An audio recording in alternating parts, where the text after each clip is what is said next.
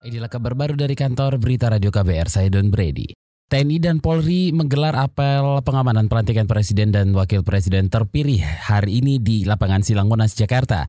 Panglima TNI Hadi Cahyanto mengatakan apel bertujuan untuk memeriksa kesiapan seluruh personel untuk mengamankan seremoni pelantikan yang akan dilaksanakan pada 20 Oktober mendatang. Apel gelar pasukan hari ini dilakukan untuk memeriksa kesiapan akhir seluruh satuan, personil, alat perlengkapan, dan alusista yang akan digunakan. Saya yakin kalian telah mendapatkan perintah terkait tugas dan tanggung jawab perorangan dan satuan. Oleh sebab itu, pahami dan kuasai rincian tugas tersebut. Panglima TNI Hadi Cahyanto berpesan seluruh komandan satuan untuk selalu mengecek para anggotanya Selain itu, komandan satuan juga harus mengenali seluruh anggotanya dan mengetahui apa yang mereka lakukan di lapangan. Hal itu penting supaya jangan sampai ada gangguan yang tidak diinginkan dalam melakukan pengamanan pelantikan Presiden Jokowi dan Wakil Presiden Ma'ruf Amin. Hadi menyebut 30 ribu personel gabungan TNI Polri akan bertugas menjaga situasi tetap kondusif pada pelantikan itu.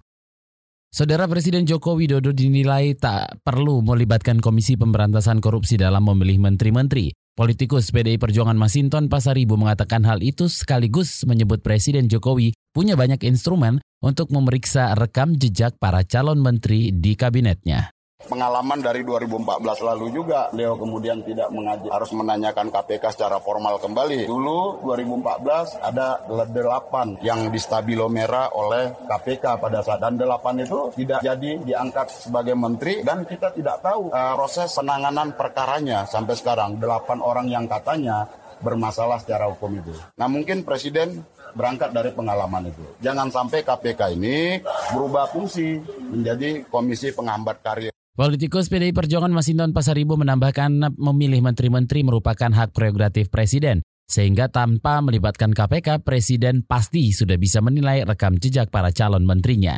Saudara masyarakat di Makassar, Sulawesi Selatan merasa resah karena obat mah bermerek ranitidin belum ditarik di pasaran. Padahal Badan Pengawasan Obat dan Makanan BPOM Pusat di Jakarta sudah melakukan penarikan obat ranitidin karena bisa membahayakan kesehatan. Pengelola toko obat Reski, Subaida, mengaku belum ada sosialisasi terkait penarikan obat mah yang bisa memicu kanker itu. Subaida mengaku stok obat mah ranitidin masih ia miliki. Tapi kalau ada pembeli ingin mencari obat itu, Subaida menganjurkan untuk membeli obat mah merek lain saja. Subaida berharap pihak berwenang melakukan razia dan menarik obat ranitidin dari pasaran. Demikian kabar baru dari kantor Berita Radio KBR. Saya Don Brady.